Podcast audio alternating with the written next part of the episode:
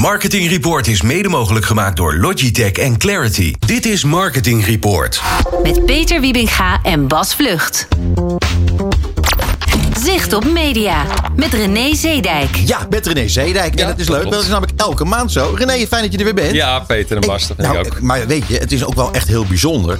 Want door die, al die ellendige eh, maatregelen van de regering... Ja. eh, ben jij hier. Want Klopt. je was eigenlijk, had je hier niet willen zijn. Nee, we zouden het stiekem één keer al 's ochtends opnemen. Ja. Om, omdat ik eh, s smiddags eh, een keertje naar, graag naar de Effies wilde in Theater Amsterdam. Totdat Ja. ik natuurlijk opeens te horen kreeg dat heel het avondprogramma kwam te vervallen.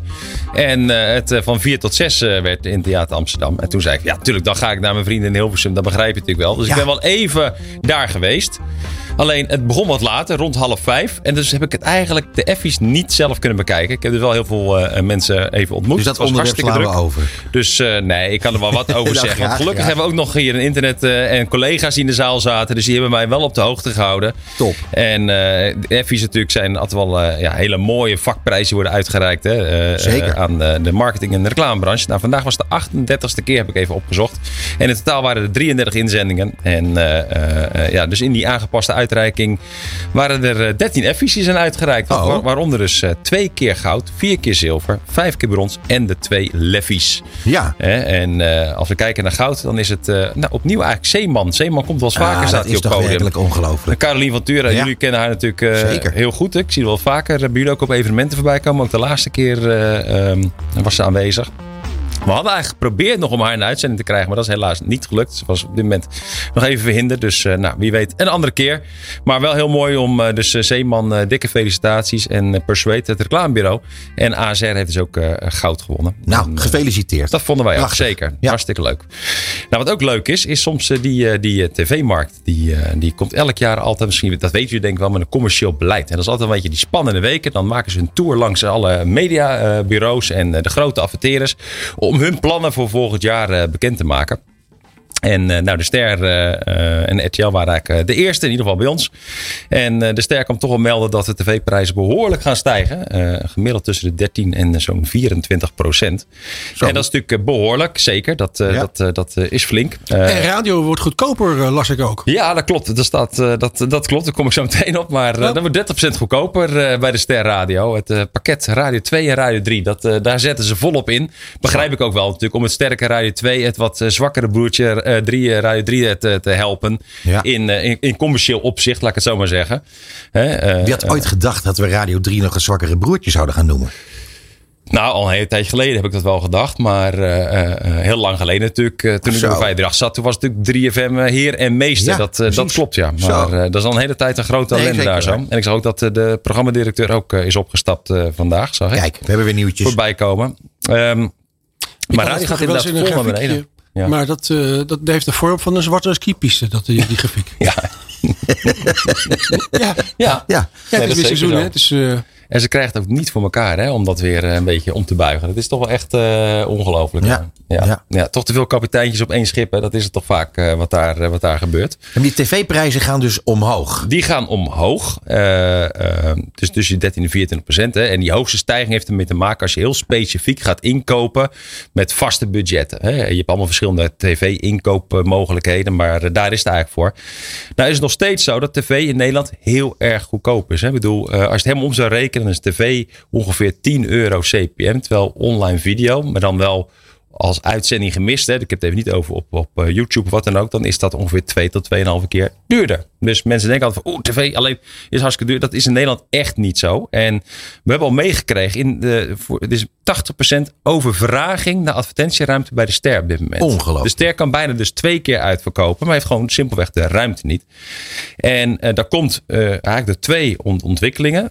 De tv-markt wordt overvraagd door al die nieuwe toetreders op de cryptomarkt. Hè. Er zijn er heel veel, gamblingmarkt, supermarkten. Al die partijen willen heel veel zendtijd continu om hun marktendeel natuurlijk op te bouwen, bekendheid op te bouwen en dergelijke.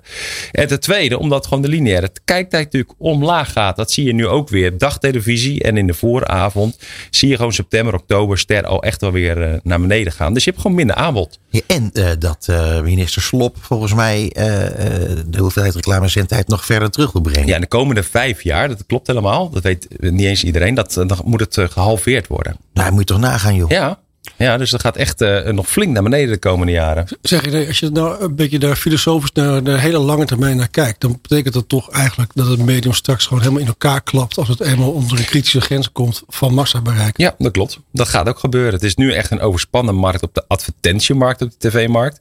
Het is ook niet voor niks natuurlijk dat DPG en, uh, en Talpa, of sorry, RTL en Talpa uh, samen willen gaan. Hè.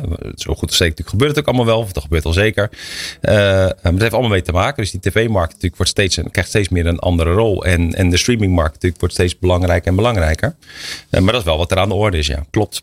Klopt. Nou, Etterline is ook zo'n rondje gemaakt. Uh, 11 tot 13 procent gaan, uh, gaan zij stijgen. En dus Radiobas, wat jij allemaal terecht zei, dat gaat vol naar beneden toe. Nou, Q houdt de prijzen redelijk netjes. Stijgt wel ongeveer zo'n 12 procent. Maar het is heel reëel als je kijkt naar hun prestaties ja. op dit moment. Dus dat, dat klopt aardig. Nou, Talpa moet dus het, het rondje nog maken. We zijn er nog mee bezig. Interessant. Ja, toch? Ja, ja en, en nou, dat commissariat van media, over, over waar het allemaal rommelt, gebeurt. Het rommelt ook flink bij het commissariat van media. Maar wat ze wel eens uitbrengen is elk jaar een media monitor. En dan uh, gaan ze even kijken met een blik op, op alle nou, media-exploitanten. Wat gebeurt er nu? En uh, dat uh, is net uitgebracht, een weekje geleden ongeveer kwam dat naar buiten, dat, dat nieuwe onderzoek. Waarbij ze steeds aangeven dat ja, nieuws- en actualiteitsprogramma's natuurlijk nog steeds ontzettend populair zijn. en weinig uitgesteld worden geconsumeerd. Dus daar zie je echt hoe belangrijk live televisie is. Maar, um, en, en dat namelijk de leeftijdsgroep van 65 en ouder, nou die, die kijkt niet alleen nieuws, maar ook natuurlijk nog fictie, nog graag lineair. En verder zie je gewoon dat jongeren tot 34 jaar nu echt wel dat kantelpunt is dat ze echt steeds minder en minder lineaire televisie zijn gaan kijken. En dat, eh, dat nog maar zo'n 50% uit hun tijd uit lineaire televisie bestaat. Dus dat is echt het kantelpunt dat het onder de 50% zakt. En dat is toch wel een historisch punt. Het is natuurlijk al jaren aan de gang, maar dat, eh, dat, eh, dat zie je wel. Ook die luistertijd, hè, dat zie je ook steeds meer dalen en dalen. Uh, niet totale luistertijd, maar wel dat mensen dus naar, naar lineaire radio luisteren. En dat het steeds meer naar de digitale kanalen gaat. En ook die digitale audiodiensten om die band steeds natuurlijk stijgt en, en stijgt. En podcast natuurlijk erg populair is onder ja. jongeren. Maar wat betekent dan voor het totaal?